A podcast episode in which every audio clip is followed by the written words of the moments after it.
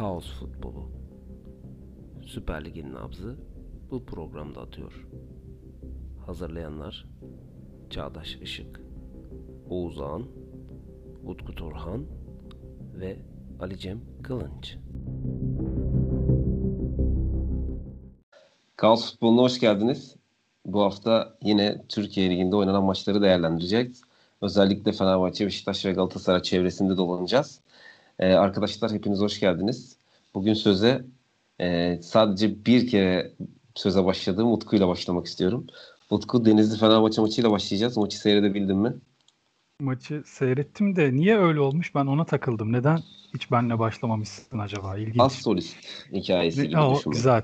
Ben bunu söyleyeceğini bildiğim için sırf zemin hazırladım. Pat, pat, pas attım yani. Böyle cevap Bir, ver diye. biraz seni övelim bugün. Aynen. Ee, ya Fenerbahçe maçı ya Denizli Spor benim için en büyük düşme adaylarından bir tanesi. Yani üç takım düşecek. Bilmiyorum bu senenin sonunda düşme olur mu? Çünkü Türkiye Futbol Federasyonu'ndan her türlü karar beklenir. Ama Kesinlikle. eğer üç takım düşecekse bir tanesinin adayı kesinlikle Denizli Spor benim adayım. Ee, Ben Fenerbahçe'nin çok rahat galip geleceğini düşünüyordum maçta. Öyle de başladı zaten maça Fenerbahçe. Ondan sonra ama kimilerine göre hakem maçın önüne geçti ama bana göre oyuncular maç hakemi maçın önüne geçirebilmek için her şeyi yaptılar yine. Tam bir Türkiye futbolu, işte kaos futbolu. Pozisyonun üzerine herhalde konuşacağız. Ee, Fenerbahçe oyunu almış, maçı almış, farka gidebilir isterse.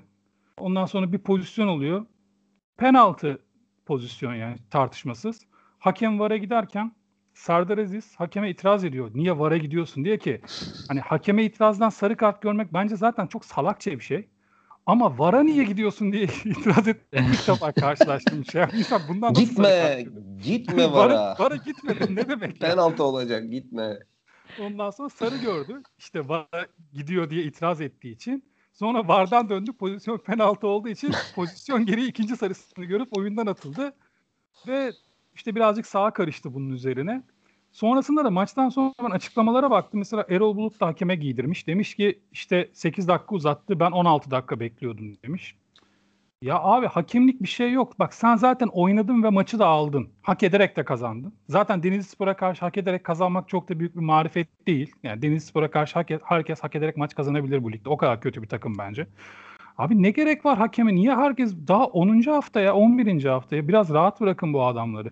Galatasaraylılara soruyorsun Ali Palabıyık en büyük Fenerbahçeli. Hatta işte o caps'ler var. Caps'lere gülüyoruz ama aslında kötü şakalar, yapılmaması gereken şakalar. Yani işte Fenerbahçe'nin maçı var. Ali Palabıyık önünü açıyor. Fener forması çıkıyor içinden falan. Böyle bu Galatasaraylıların caps'leri.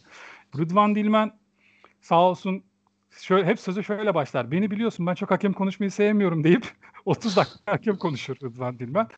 Ee, işte bu sezona Rıdvan Dilmen sezonu diyorlardı. Gördük işte ne olduğunu falan diye o da Ali, Ali Palabıyık'a giydirmiş. Ben şimdi ben sadece Ali Palabıyık'a üzülüyorum şu an. Olan o ne oldu yani? Hiçbir şey de yapmadı adam. Normal maç yönetti. Kurallara göre doğru kartlar çıkardı. Ama sen neden ya şunu takılıyor millet. VAR'a giden gidiyorsun zaten. Oyuncuya niye sarı kart veriyorsun? Peki VAR'a giderken oyuncu niye itiraz ediyor? O kısmını niye kimse konuşmuyor? Hani şey e biz kendi aramızda da konuştuk hani programdan önce işte VAR'a gidiyorsun. Pozisyon içindeki adam Serdar pozisyon penaltıysa ki seni penaltı diye VAR'a çağırdılar. Mecbur Serdar'a sarı vereceksin. Bunu niye düşünüp de ilk sarı ya aklında bu var. Bunu düşünmen lazım. ilk sarıyı çıkarmaman lazım diyorlar. Ben de diyorum ki tamam bu mantık doğru olabilir. Yani Ali Palabıyık ulan ben şimdi VAR'a gidiyorum. Pozisyon çok büyük ihtimalle penaltı. Ben oradan Serdar'a bir sarı vereceğim. Bari bu sarıyı itirazdan çıkarmayayım da iki sarıdan atmayayım. Oyunun önüne geçmeyeyim diye düşünebilir normal. Ya iyi de Serdar niye düşünmüyor? Ulan pozisyon penaltıysa ben ikinci sarıyı göreceğim. Bari susayım da ilk sarıyı almayayım. Serdar niye düşünmüyor? Niye kimse Serdar'a değil de Ali Palabıyık'a yükleniyor? Bir de şunu söyleyeceğim. E, Son onu bitireceğim çünkü Fener maçı ile ilgili benim söyleyecek çok bir şeyim yok. Fener Denizli Spor çok rahat bir galibiyeti alacaktı Fenerbahçe. Aldı zaten ama geçen hafta derbinin son dakikasında Altay ceza sahasında Evet. elle oynadı. Ben de dedim ki hatta ya skora dedim etkisi yok ama hatta Fenerbahçe için çok da önemli değildir. Harun oynasa da fark etmez ama dedim. Ama bugün gördük ki inanılmaz fark etti. Altay maçın tartışmasız yıldızı. Bir de penaltı çıkardı. İnanılmaz iki tane top çıkardı. Çok sert şutları çıkardı. Ama bu Altay'ın normalde şu an oynamaması gerekiyordu bu maçta. Çünkü geçen hafta kırmızı kart, evet, tartışmasız kırmızı kart. Hani yoruma açık falan değil. Atlandı. İlginç. Ben de böyle bir şey beklemiyordum. Altay'ın bu maçın önüne geçebileceğini düşünmüyordum ama bence hakem değil. Bu haftanın hakemi değil. Geçen haftanın hakemi bu maçın önüne geçti benim için. Ee, yani ben zaten bunu sana soracaktım. Merak ediyordum düşünceni. Sen tam da geçen hafta bundan bahsettin. Birçok kişi tarafından gözden kaçan bir pozisyondu.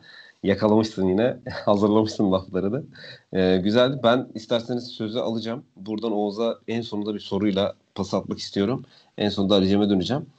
Ee, şey maç bittikten sonra e, spiker bir istatistik verdi. Erol Bulut 2003'ten bu yana Fenerbahçe'nin başında ilk 6 maç ilk 6 deplasmanında kaybetmeyen ilk hoca olmuş 2003'ten bu yana. En son Daum bunu başarmış. Ee, bu istatistiği niye verdiler? Bunda ne yapacağız bilmiyorum ama söylemek istedim. Fenerbahçe ee, çok pardon. Fenerbahçe kırmak üzereyken tanımlanan rekorlardan biri gibi olmuş. Abi, ilginç bir istatistik ama 2003'ten bu yana bayağı da hoca değiştirdi Fenerbahçe. Hiçbiri e, 6 maç üst üste kaybetmemeyi başaramamış. O da acayip yani. deplasmanda. Ee, Fenerbahçe maç boyunca topu rakibe verdi aslında. Ben öyle gö- gözlemledim. Ee, ikinci bölgeye kadar neredeyse hiç baskı yapmadılar. Yani hani topu kazanmaya bile çalışmamışlar. Ona da baktım. Hani bir kere bile top ya sadece orta sahanın kendi yarı sahasının ilerisinde bir kere top çalmaya çalışmışlar. Onda da başarısız olmuşlar. Orta sahanın ilerisi dediğimde kendi yarı sahasının dışında dediğimde yani e, 1-2 metre önünde bir kere deneme var. Ya bu belli. Erol Bulut'un bir uyarısı. Topu rakibe vermiş. Hani Denizli'nin yapacağı hataları beklemiş.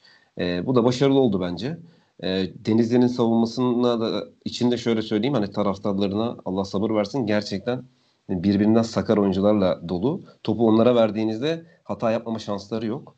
E, orada bir boşluk yakalamama şansınız yok rakip olarak. E, bu anlamda aslında bir yandan e, çok da e, akıllıca bir düşünce diyebiliriz buna. Hani Erol Bulut'un yaptığı e, hamleye. E, ama ben Fenerbahçe'de ya bunu Erol Bulut'un şu yüzden yaptığını düşünüyorum. Fenerbahçe'nin savunmasında yetersizlik görüyor bence. Gökhan'ın evet Gökhan bugün gol attı ama evet tecrübeli, e, hücumda da faydalı ama savunmada çok aksadığını ben gözlemliyorum. Yani mücadele anlamında da hani fizik gücü anlamında da çok fazla sahada e, düşüşlerini iz, izliyorum. E, Tizeland da aynı şekilde çok aksıyor. E, Serdar sürekli sakatlanıyor, cezalı duruma düşüyor. Bugün de yine aynı şekilde kırmızı kart gördü mesela. E, ben ya bu arada Serdar bugüne kadar izlediğim en yüksek e, işte bir sonraki maç seni yarı yolda bırakacak oyuncu potansiyelini taşıyor. Yani böyle bir oyuncu hiç izlememiştim. Ee, Serdar bu konuda tavanda. E, Caner de savunmada zaafları var. E, Lemos oynadığında aksıyor. Sosa savunma anlamında aksıyor. E, bence biraz Erol Bulut bunu düşünerek hani e, takımın e, hem de derbi kaybettikten sonra hani bir 3 puan alalım. E, bir özgüven kazanalım. Yolumuzu öyle devam edelim diye düşünerek e, böyle bir karar verdi ama e, genel olarak Fenerbahçe'deki bu düzensizlik hani çözülecek gibi hani acaba çözülecek mi ilerleyen haftalarda gitgide e, üstüne koya koya gidecektir diye düşünürken ben açıkçası geriye doğru gittiğini gözlemliyorum. Hani maçtaki olumlu tek şey Altay'dı senin dediğin gibi. Hani bir tane olumlu bir şey vardı ve Altay'dı bu, o da. Ee, yani Muslera'nın sakatlığından sonra en dünyada izlediğim en özel performanstı. Yani Altay'ın performansı çok iyi bir maç çıkardı. Oğuz'a şöyle şu soruyla pas atmak istiyorum.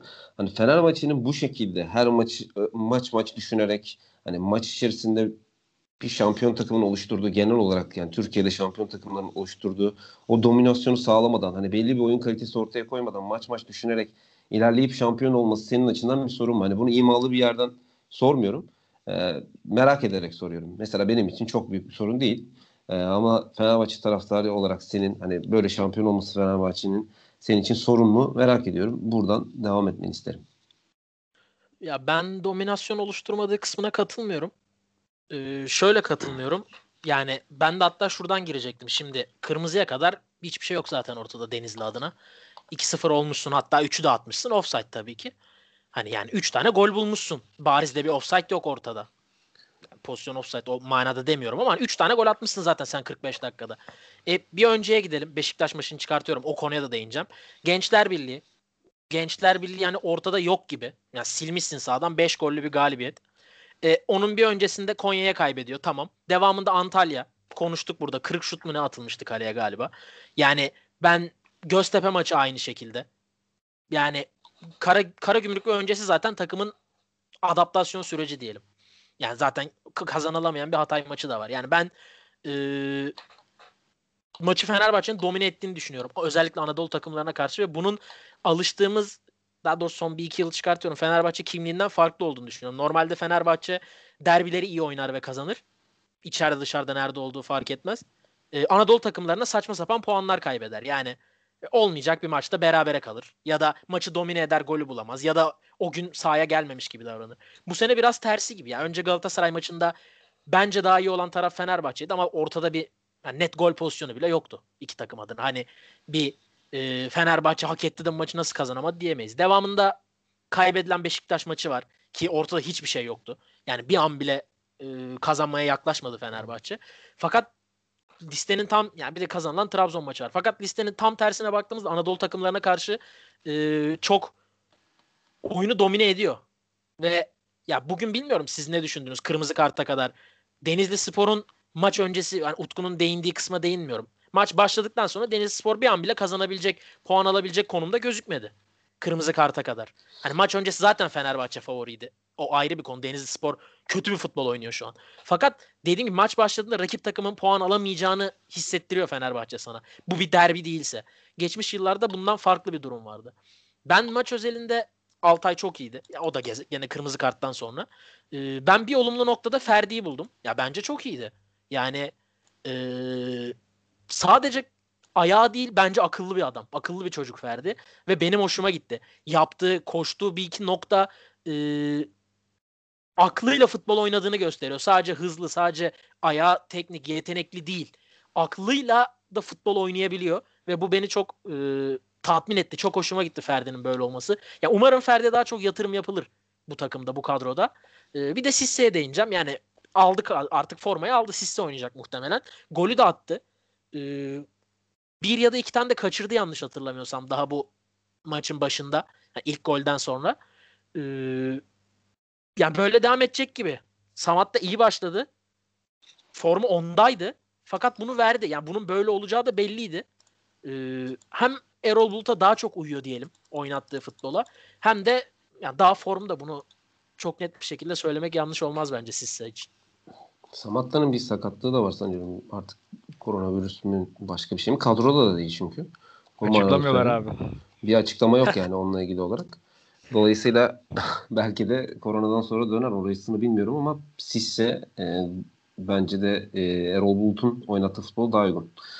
Ya ben dominasyon derken bu arada hani e, hani daha e, ileriye yerleşen biraz daha önde basmaya çalışan ve Fenerbahçe'nin sezon başında aslında kurgulamaya çalıştığı o ön alan presiyle devam eden bir halde devam eder mi? Ee, ya da bu maçta neden böyle oynamadı? Diğer maçlarda böyle oynar mı? Ee, diye e, sorgulamaya çalıştım. E, bu maçı özelinde Denizli Spor evet rahat geçirdi ama bence birçok takıma karşı böyle oynamayacak. Farklı farklı şekillerde oynayacağını düşünüyorum Fenerbahçe'nin. E, Alican senin maçla ilgili yorumlarını alalım e, maçla ilgili konuşmaktansa ben daha Fenerbahçe özelinde bir şeyler söylemek istiyorum. E, dominasyon noktasında da konuşmak istiyorum. E, dominasyon konusunda bence de e, senin dediğin gibi daha rakip alana yerleşen, daha böyle rakibi boğan bir oyun anlayışından çok daha Fenerbahçe'nin fırsatları değerlendiren e, ve bir iki e, püf noktası var Fenerbahçe'nin. O gerçekten de e, önlem alınamayan, alınsa bile yine de o önlemlerin yetmediği alanlar var. Caner'in ortaları gibi. Bugün gene e, klasik bir Fenerbahçe golü izledik mesela. 15 yıl geçti. Sadece Caner değil Alex döneminden de kalma bir Gökhan Gönül. E, yani şey Erol Bulut ile e, Fenerbahçe takımının çok birbiriyle uygun profiller olduğu konusunda her geçen gün birazcık daha şüpheye düşüyorum. Ee, sen de dediğin gibi e, topu daha çok rakibe bırakmayı seven bir hoca herhalde Erol Bulut. Ancak Fenerbahçe'de bugün sahaya çıkan 11'de de gördük. E, Fenerbahçe'nin e, bugün de bayağı eksikleri vardı ama eksiklerini de dahil ettiğimizde Fenerbahçe çok daha e, oyuncular bazında topu ayağında tutmayı seven oyunculardan kurulu bir oyun bir. E, Perotti'si olsun. Bugün e, şeye Pelkas, Mert Hakan, işte e, Sosa özellikle Caner, Gökhan Gönül bunların alameti farikaları hala daha ayak teknikleriyle alakalı. Çünkü e, çoğunluğu ya, yaşlı oyunculardan kurulu bir 11. E, bu bağlamda e, Fenerbahçe'nin şampiyon gibi oynamaması tırnak içinde şampiyon takım gibi oynamamasını buna bağlayabilirim. Ama e, sezon uzun bir maraton. E, senin de dediğin gibi her maça farklı şekilde çıkacaktır Fenerbahçe. E, mesela yani Gençler Birliği karşısındaki oynadığı futbolla bugün oynadığı futbol arasında bence farklar vardı. E kadroda da değişiklikler vardı pek tabii ki. E, Oğuz'a katılıyorum bu arada. Ben de maçtan önce maç bittiği anda Ferdi konuşulmalı bugün demiş diyordum içimden. E, bence e, yani Perotti'nin sakatlığı ne kadar sürecek bilmiyorum. Bir ay e, geçecek herhalde. E, yaşı da var artık hani sakatlıkların iyileşmesi yaşlı oyuncularda biraz daha uzun sürüyor ama e, diz sakatlığı en azından sürebilir yani. Perotti dönene kadar bence o koltuğu e, Ferdi'den başkası almamalı. E, akıllı bir oyuncu e, ve sen e, istediğin şeyleri alabileceğin bir adam yani adam eksiltir mi eksiltir e, akıllı bir oyuncu mu akıllı bir oyuncu e, uzaktan şut atar mı e, ağzının içine orta yapar mı bunların hepsi sen onda bulunuyor e, bir tek e, fizik e, ve ikili mücadelelerde sende sıkıntı yaratabilir. E, yani hepimiz de biliyoruz ki Türkiye'de e, defosuz oyuncu yok. Yani herkesin e, bir zayıf noktası var.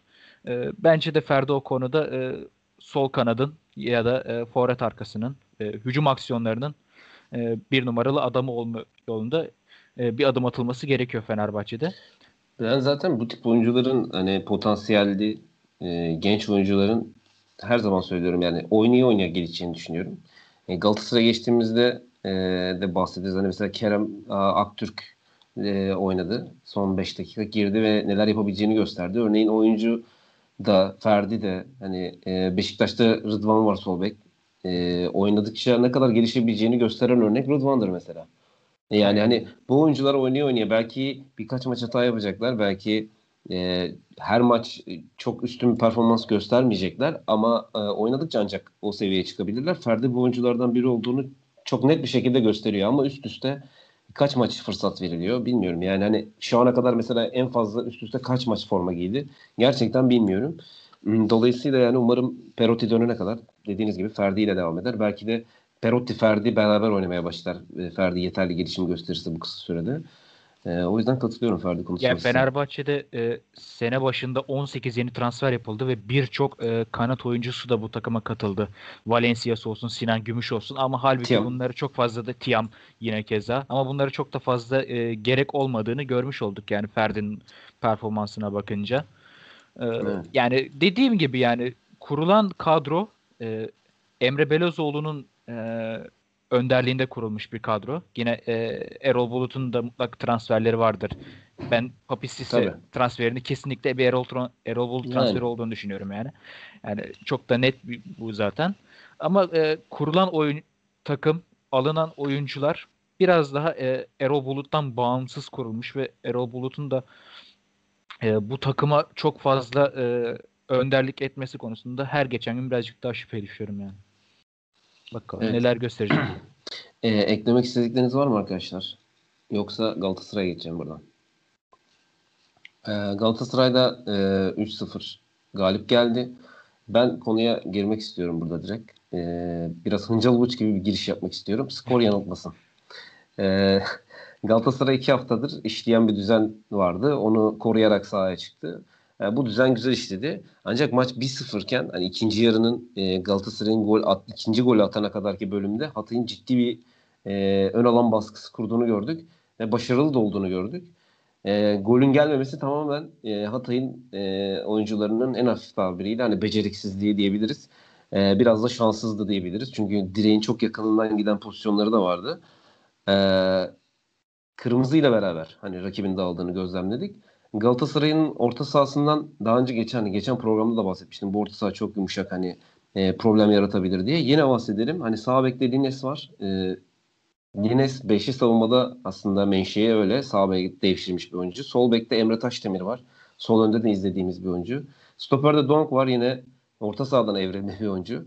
Ee, yani nispeten diğer stoperlere göre biraz daha dalgın olan bir oyuncu. Önlerinde Taylan oynuyor. Ee, onun önünde de Emre Kılıç'ta Fegül oynuyor. Solda Emrah Baba, sağda Olcan. E, bu kadroya baktığımızda gerçekten e, sertliğe karşılık verebilecek bir yapıyı taşıyan herhangi bir oyuncu yok. E, Taylan bu seneki hani yeni modeliyle 2.0 versiyonuyla belki de 3.0 3.0 versiyonuyla biraz e, karşılık koymaya çalışıyor ama tek başına e, yani bu sene ligde en fazla forma giyen oyunculardan bir tanesi. 2-3 oyuncudan bir tanesi. E, nereye kadar dayanacak gerçekten merak ediyorum. E, takımın çıkışı bu ön alan baskılarında sadece Olcan'a bağlı kalıyor. Yani Olcan'ın arkaya deplesi olacağı pozisyonlara kalıyor. Oradan top çıktığı takdirde. Ee, biraz zor bir düzen oynuyor Galatasaray. Çünkü topu kaptırdığı anda e, herhangi bir dirençle karşılaşabilecek rakibin herhangi bir dirençle karşılaşabileceği bir oyuncusu yok. Yani Markava dışında. E, ki Markava da aslında çok da sert bir stoper değil. Ona rağmen yani Markava en sert olarak görülüyor burada. E, bu dişli Galatasaray'ın oynadığı bu dişli düzeninde bir tane dişlinin aksaması demek yani direkt Hatay'ın işte o ikinci gole kadar e, ilk, ikinci yarıda ikinci gole kadar ki e, versiyonunu rakipleri bir anda e, sokuyor. Hani bir sürü pozisyona girmeye başlıyor rakip. E, Fatih Hoca maç sonunda e, rakibin bir tane isabetli şutu var. Hani buna değinmek gerekir filan dedi ama ben tahmin ediyorum ki oyuncuların motivasyonunu kırmamak için böyle söyledi. Çünkü yani bu tamamen bir olumlama. Galatasaray orada gol yeseydi belki rakip e, daha da fazla alan bulacaktı ve daha fazla belki de mağlup bile olabilirdi Galatasaray. Hani bu e, 3-0'lık bir maçtan sonra belki hmm, çok abes görünebilir ama gerçekten de abes bir şey değil. Kırmızı kart sonrasında zaten rakip dağıldı. E, ve Cagney'e kısaca değinip e, sözü yine tekrar Utku'ya bırakmak istiyorum. E, Cagney e, adeta Galatasaray taraftarının birçoğunun kalabalık bir kesiminin e, sesini kesmeye devam ediyor. Ama şöyle bir detay var. Cagne bu maçta sadece 13 kere topla buluşmuş. Bunlardan bir tanesi gol. Diğeri de kaçırdığı bir gol var. Onun dışında sadece 11 kere topla buluşmuş ki Galatasaray %61.3'te topa sahip oldu. Ee, bu ilginç istatistikle sözü e, Utku'ya bırakmak istiyorum. Utku söyleyeceklerim vardır diye düşünüyorum. Var abi Galatasaray'la ilgili olmaz mı? Ya sana çoğu söylediğin şeye katılıyorum. Bir kere ben önce şuradan başlayayım. Ben hala stoperde Luyendama'nın oynaması gerektiğini düşünüyorum. Donk ve bu 3 hafta üst üste oynanan oyun birazcık Galatasaray taraftarını yanıltıyor. Birincisi Galatasaray bu 3 hafta boyunca ön alanda yani kendi stoperlerine baskı görmedi. Hatay maçının kısa bir bölümü hariç. Yani hep takımlar biz bekleyelim. Bir ara Galatasaray'ın bir defosu vardı. Rakip takım böyle geride bekliyordu. Galatasaray pas yapıyordu, açamıyordu. Topu kaybettiğinde de kontra yiyordu. Şimdi yine onu düşünüyor belki takımlar ama bence şu an Galatasaray'ın asıl büyük defosu ön alanda baskı yemesi. Çıkamıyor evet. çünkü oradan. Pasla çıkacağım o merakı yüzünden. Halbuki Oğulcan'ın şöyle de bir artısı var Galatasaray. Oğulcan benim çok şaşırdığım bir şekilde hava toplarında çok iyi bir oyuncu. Çıktı mı vuruyor. Yani uzun atabilirsin. Cagne de oradayken uzun atabilirsin. Yani illa pasla çıkmak zorunda değilsin. Ee, senin o dediğin sertlik konusunda dediğim gibi Luyendam oraya bir çare olabilir. Donk biraz yanıltıyor. Çok yumuşak rakipler denk geldi. Bunun büyüsüne kapıldı biraz Galatasaray taraftarı evet. ama ciddi bir takım geldiğinde Donk bir anda nefret edilen adama bile evrilebilir yani bir maçla. Kesinlikle. Ee, ikincisi Galatasaray zaten 7 gol yiyerek ligin şu an en az gol yiyen takımlarından biri. Geçen hafta söyledik. Bence kesinlikle fikstür şansı. E, bu yani öyle o kadar iyi bir savunma falan yapmıyor Galatasaray. Yani o kesin Gal- bu şöyle rakam... bir e, küçük bir Tabii. detay vereyim. Galatasaray en çok topa sahip olan takımlardan bir tanesi. Alanya'da öyle mesela. E, biraz bununla da ilgili olduğunu düşünüyorum ben. Yani ya, hani top, topa daha çok sahip olarak biraz savunmayı yapıyorlar gibi. Hı-hı. Bu bak bu var ya gayet mantıklı bir tercih ama şu geliyor benim aklıma. Barcelona İbrahimovic'i almıştı çok kısa bir süre oynattı. Yani uzun çünkü çok büyük bir forvet. Hani dünya tarihinin en büyük forvetlerinden biri Barcelona'da olmadı. Olmamasının en büyük sebeplerinden bir tanesi İbrahimovic'in atak bitiriyor olmasıydı. Oysa ki Barcelona pas yaparak savunma da yapan bir takım. Topu rakibe vermiyor. Pas yapıyor, pas yapıyor. Pozisyon bulacağı zaman tempo yapıyordu ki o efsane orta sahası vardı. Xavi Iniesta yan yana. Ee, İbrahimovic'e top geldiğinde İbrahimovic şut atıyordu mesela ve top rakip takıma geçmiş oluyordu İbrahimovic şut attığı için. Evet. Şimdi Galatasaray'ın pas yapıyorsan bir topu kritik yerlerde kaybetmemen lazım ama kaybediyorlar ki Taylan bile kaybediyor. Çok basit pas hataları yapabiliyor bazen Taylan bile. İkincisi de e, buldun mu atacaksın. Galatasaray'ın çok ciddi bir bitiricilik problemi var. 3 maçtır çok fazla pozisyona girdi Galatasaray fakat atamıyor. Cagney'in attığı gol çok zor bir gol. Tam tebrik ediyorum kendisini. Mükemmel bir gol attı. Yalnız kaçırdığı gol kaçacak gol değil. Yani iki tane var üstelik. Bir tane 18'den dışarı vurdu. Hadi vurdun diyelim gelişine olmadı. Bir tane karşı karşıya kaldığı pozisyonda yine topa vurup yere düştü. Top da üstten out'a gitti ilk yarıda. Şimdi bunların kaçmaması lazım. Keza Oğulcan. Oğulcan kimsenin beklemediği kadar faydalı oynuyor şu an. Bence Hatay Spor maçın en iyi oyuncularından bir tanesi her şeyle yaptıklarıyla. Fakat bir pozisyon oldu. Topu sağ çizgiden götürdü. Mükemmel götürdü topu. Abi işte bitiricilik sadece golü atmak değil. Orada o bitirici pası atacaksın. Ortayı yaptı Cagne'ye doğru. Savunma girdi araya. Savunma girmese de gol olmayacaktı. Çünkü çok yumuşak attı topu. Cagne'nin uzağında kalacaktı yani. Cagne topa gitmek zorunda kalacak. Oysa ki o pası verebilse orada orada maç bitecek. Şimdi sen diyorsun ya Hatay pozisyonlar buldu 1-0'dan sonra diye. Galatasaray orada 2-0 yapabilseydi şans golüyle yaptı duran topla. Oraya kalmaması lazımdı o maçın. Çünkü pozisyonlar gelmişti ayağına. Ben seninle çok aynı şeyleri düşünüyorum. Feguli Emre orta sahası çok yumuşak bir orta saha. Çok yanıltıyor bu da Galatasarayları. 3 haftadır Galatasaray iyi. Ya yani oyuna bir şey dediğim yok. Ama yanıltıyor. Yani ciddi bir rakip geldiğinde dağıtır orayı. Ee, bir de yine ilginç bir istatistik geçen hafta konuşmuştuk. Cagne gibi bir adam Galatasaray'ın ısı haritasında en öndeki adam çıkmıyor iki haftadır. Geçen hafta Oğulcan'dı. Bu hafta da Emre çıkmış. Emre Akbaba.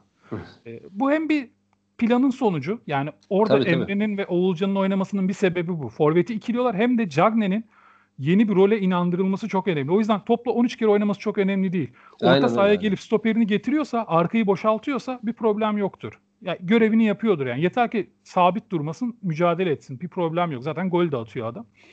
E, fakat benim Galatasaray'la ilgili iki handikapım yani geçen hafta da söylediğimin aynısını söyleyeceğim. Bir bitiricilik çok ciddi bir problem. Çok fazla gol kaçırıyor Galatasaray. Kaçmaması lazım. İki bu maçlar son üç rakip Galatasaray'ı çok yanıltıyor. Galatasaray böyle şu an biz mükemmeliz, biz çok iyiyiz, artık oyun oturdu, pozisyon buluyoruz, pasla çıkıyoruz diyor ama o orta saha yani şeyi anlarım evet Oğulcan savunmaya yardım ediyor. Dirençli bir adam. Taylan her yere koşuyor ki internette dolaşan bir videosu var Taylan'ın Hatay maçından böyle 20 saniyelik bir görüntü.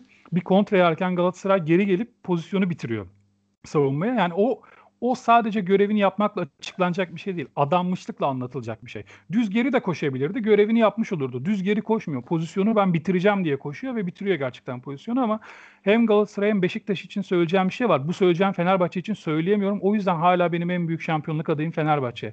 Ben Fenerbahçe kadrosuna bakınca şu oyuncu olmazsa Fener ne yapar merak ediyorum bir göreyim diyemiyorum. Hepsinin ikamesi var. Ama Galatasaray'da Taylan, Beşiktaş'ta da Hutchins, Atiba olmazsa ben ne yaparlar çok merak ediyorum. Ee, Oğuz sen neler söylemek istersin Galatasaray'la ilgili olarak? Ağzına ya sağlık ben orada. çok kısa bir iki noktaya değinip Ali Cem'e bırakacağım hemen. Ee, bir Cagne. Ya çok kaçırıyorlar kısmına katılıyorum. Ya atıyor ama kaçırıyor da Cagne. Ve saçma sapan kaçırıyor. Ya bir iki tane vurduğu top var. Ya oraya vuramazsın istesen de. Mesela bir tane daha galiba 0-0 iken olması lazım. Ya bu saçma bir şekilde o kadar kuvvetli vuruyor ki top üstten avuta çıkıyor böyle çaprazda ceza sahasının içinde. Evet evet evet. Abi hani gücünü mü ayarlayamıyorsun? Gerek yok yani böyle bir patlamaya orada. Hani düzgün vur kaleye topu. Daha sonra ikinci yarıda da var kaçırdı. Hani atıyor tamam ama şimdi maç 3-0 gitmez yarın öbür gün. Bir tane atarsın yersin 1-1 olur. Ondan sonra sen 2-3 tane böyle kaçırdın mı olmaz. Yani olma. Sen hepsinin her girdiğin pozisyonu atmayacak zaten. Cagney her maç 4 tane 5 tane mi atacak? Ama hani bu maçta bence bir de kalmamalıydı. Girdiği pozisyonlardan en azından atmalıydı. Devamında ben Oğulcan'da şöyle bir şey e, ya güven vermiyor bana bilmiyorum ya. Ya Oğulcan da gitmez yani bu sezon. İyi ama bir Gitmez tabii canım. Yani bir böyle her an bir gidecek gibi. Böyle gözünün içine bakıyor. Hani her an patlayabilirim diyor.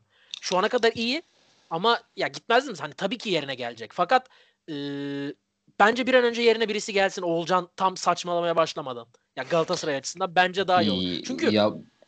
o havası var abi. Yani ben saçmalayacağım diyor sanki. Yani bilmiyorum iyi şu ana kadar ama bana o güven geçmedi. En azından öyle söyleyeyim yani Oğulcan açısından. Ee, bir de değineceğim nokta şu. Mesela şu kırmızı karta kadar Fenerbahçe Denizli'ye pozisyon vermedi. Ya ben hatırlamıyorum. 3-0 bir Beşiktaş galiba. 3-0 mıydı 4-0 mıydı Beşiktaş maçı? 3-0. 3-0. Ee, ben yine pozisyon hatırlamıyorum. Çok net. Yani Galatasaray çok pozisyon verdi Hatay'a. Gerçek anlamda mesela iki, ta- iki tane şut olması lazım. Fatih kıpırdayamadı bile. Ha, top kaleye gitse gol. Yani Fatih'in suçu olduğu için demiyorum. Çok sert ve güzel şutlar. Köşeye gitti fakat direğin dibinden dışarı gitti. E, ha, yakından da var. Ben yakından e, yakından olan pozisyonu söylemiyordum ee, ben. Doğru araya gireceğim bir. Abi bir savunmanın bence becerisi iyi olup olmadığı şununla ölçülmeli. Gol yiyip yememesiyle değil. Sen penaltı attırır gibi o şutu attırıyor musun, attırmıyor musun? Aynen. Ya önemli olan o. O pozisyonu vermeyeceksin iyi savunma yapıyorsan. Ya bir Hatay'ın- de o, o hani biraz soru işareti benim için. Ya değineceklerim bu kadar. Siz zaten maçı ve Galatasaray'ın oyununu özetlediniz. Ben sadece hani kafama takılan ve aldığım notlarda bu üç nokta vardı. Yani Beşiktaş hani burada hep anlattık değiniriz de sonra zaten. Ha 11 kişi gidiyor geliyor dedik falan. Pozisyon ya ben hatırlamıyorum. Verdiyse de bir tane vermiştir. Bir garip Yok, bir yok, penaltı vermedi. olabilecek bir pozisyon vardı. Böyle hani düşerken eline çarptı. Hakem tersi bir foul verdi. O kadar. O da pozisyon değil. E, Fenerbahçe'de ben 2-0'a kadar hatırlamıyorum. Yani pozisyon verdiğini. Bir iki hızlı çıktı Denizli ama net bir pozisyon aklımda kalmamış. Yok vermedi. Galatasaray 3-0 tamam. Ama ya şöyle söyleyeyim 3-3 bitse şaşırmazdım. 3-0'dan sonra 3-3 değil. Oyun olarak hani bir hata yaptı, bir Galatasaray attı, bir hata yaptı, bir Galatasaray attı. Bir oyunu beni şaşırtmazdı. Ya ben de katılıyorum. Kırmızı karta kadar e, ikinci yarıda özellikle ikinci gol, kırmızı kart bunların ikisi beraber geldi. E, Galatasaray inanılmaz net rahat pozisyonlar verdi. Yani baskı yedi daha doğrusu. Net bir baskı yedi. Bundan da çıkamadı. Ben de katılıyorum burada. Alican sen ne dersin? Ee, vallahi içimi darladınız yani.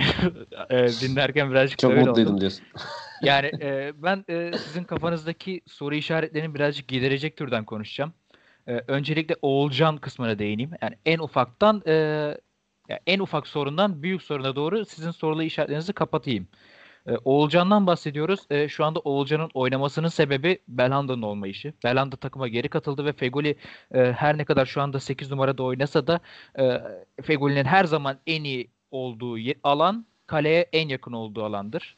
Ee, ve yani son pası veren adam ya da son şutu çeken adam konusunda hep her zaman Feguli'ye güvenebilirsiniz. Belhanda e, orta sahaya geldiği anda az önce bahsettiğiniz o bir başka sorun Galatasaray'ın orta saha yumuşaklığından bahsettiniz. Orada da e, o eksiği kapatacağını düşünüyorum. Taylan bence e, yumuşaklık konusunu örtüyor. Onun haricinde Emre Kılınç'ın da burada e, orta sahada Emre e, Fegoli Icarus'tan bahsederken Emre Akbaba'dan mı bahsettiniz, Emre Kılınç'tan bahsettiniz. Emre Kılınç oynuyor abi. Emre Kılınç. Emre Kılınç Değişiyorlar oynuyor. Akbaba'yla ama Kılınç Emre oynuyor. Akbaba ile değişiyorlar. Emre Akbaba'yı kastediyorsanız bence katılırım ona ama Emre Kılınç konusunda çok fazla size katılamayacağım çünkü e, Emre Kılınç şu anda 25 yaşında bir oyuncu ve e, çok rahat bir şekilde maçı 75 dakikaya sığdırabiliyor ve e, yani adam basma konusunda en azından e, hani ikili mücadeleye girmez ama yani Emre Kılınç'ın olduğu alana doğru da atak yapmazsınız yani. Çünkü e, o da Taylan gibi her yere koşan bir oyuncu haline geldi. E, Sivasspor'da olduğu rolden çok daha farklı bir rolde oynuyor. Ayrıyetten şu e, şeyde e, artık fikstür şansı denilen şeyin de ben artık birazcık e, sönük kaldığını düşünüyorum. Çünkü şu anda önümde Galatasaray'ın maçları var. Önümüzdeki maçları var. Bu haftayı bay geçecek Galatasaray. E, Ama ondan sonra Fatih Karagümrük'le oynuyor. A- Az önce bahsettiğiniz Galatasaray'ın sorun yaratabileceği o orta saha yumuşaklığından bahsediyoruz. E, Fatih Karagümrük'ün orta sahası Lucas Biglia'dan, Atıf Şeyşu'dan oluşuyor. Hani her türlü Galatasaray'ın orta sahası daha sert gelir. Ondan sonra Göztepe maçı e, bir de şöyle bir şey var. E, Galatasaray gol yemekten korkmuyor bence. Hani pozisyon vermekten korkmuyor. Çünkü ne zaman pozisyon verse artı e, bir sonraki pozisyonda e, yüzde yüzlük belki de yüzde doksanlık gol pozisyonlarına giriyor. Hani e, Galatasaray ben sanmıyorum yani Hatay maçında Akintola arkaya bir kaçtı. Tamam golü attı. Galatasaray bir gol daha atardı. Yese bir tane daha atardı. Çok rahat atardı bence. E, onun haricinde de e, Ocak ayına kadar ki e, maçlarını sayacağım. Göztepe maçı iç sahada ki bence yine Galatasaray maçın favorisi. Daha sonra Trabzonspor maçı geliyor. E, Trabzonspor'un e, durumu da ortada. Yeni yapılanmaya çalışan bir kulüp. O zamana kadar ne durumda olurlar birazcık e, hala soru işaretleri barındırıyor. Antalya Spor ondan sonra denk geliyor ki Fenerbahçe e, maçı Antalya Spor hakkında çok daha net fikirlere sahip olmamızı sağladı. Ersun Yanal geldikten sonra da e, hiçbir varlık göstermemeye başladılar. Hala da kötü gidiyorlar. E, Gençler Birliği'nden bahs- Gençler Birliği geliyor daha sonra. O da ocağın onunla denk geliyor. Yani devre arasına girmiş bulunuyoruz. E, Gençler Birliği maçında iç sahada oluyor. Yani Galatasaray'ın e, kolay fikstürü var denildi şimdiye kadar. E, ben bunun birazcık da Galatasaray'ın gerçekten de iyi oynadığını düşünerek söylüyorum. Hani Galatasaray istediği sonuçları aldı. Şu anda ligin zirvesinde. E, kolay maçlarda kazanması burada Galatasaray'ın e, fikstür şansına e, fikstür şansı tezine soktu. Yani şöyle bir ekleme. Herhangi- Mesela herhangi- ben fikstür şans şansını böldüm ama unutma lafını. Fikstür şansına tamamen katılmıyorum da bu yumuşak kadroyla e, bu rakiplere karşı denk gelmesi birazcık bence e, fikstür şansı denilebilir. Yani Luyendama yokken örneğin. Yani hani orta sahada bir dom hamlesini yapamayacağın e, haldeyken bu takımlara denk gelmek bence önemliydi. Dediğin gibi belki Galatasaray tabii biz yenik duruma düştüğünü de görmedik. Belki öyle bir durumda da bir aksiyon verecek. E, o da önemli bir faktör. Sen devam et. Ben de bir iki bir şey söyleyeceğim sonra. Senin, senin Ee, söylediklerine karşılık. ya, e, pozisyon verme konusunda gerçekten Galatasaray'ın korktuğunu düşünmüyorum. Ocak ayına az bir süre kaldı. E, Ocak ayı geldikten sonra antrenmanlara başlayan Galatasaray'ın göz bebeği Muslera da takıma katılacak. Muslera bence yani bir numaralı e, şampiyonluğu değiştirecek. Yani şampiyon olan takımı değiştirecek isim yani. Nasıl döndüğüyle alakalı. Tabii, Şu tabii. da var. Ee, şunu ekleyeyim öyle bırakayım sana Çağdaş. Bir pozisyon oldu. Çok tartışıldı. Yani Fatih eleştirmek için sürekli paylaşıldı ama işte bir pozisyon yiyor Galatasaray Hatayspor maçında. Marka Neden? kaleyi savunmak için çizgiye geçiyor. Fatih biraz önde ve Marco ayrılmıyor çizgiden. İşte millet de şey diye paylaşmış. İşte Fatih'e bu kadar güvenmiyor falan.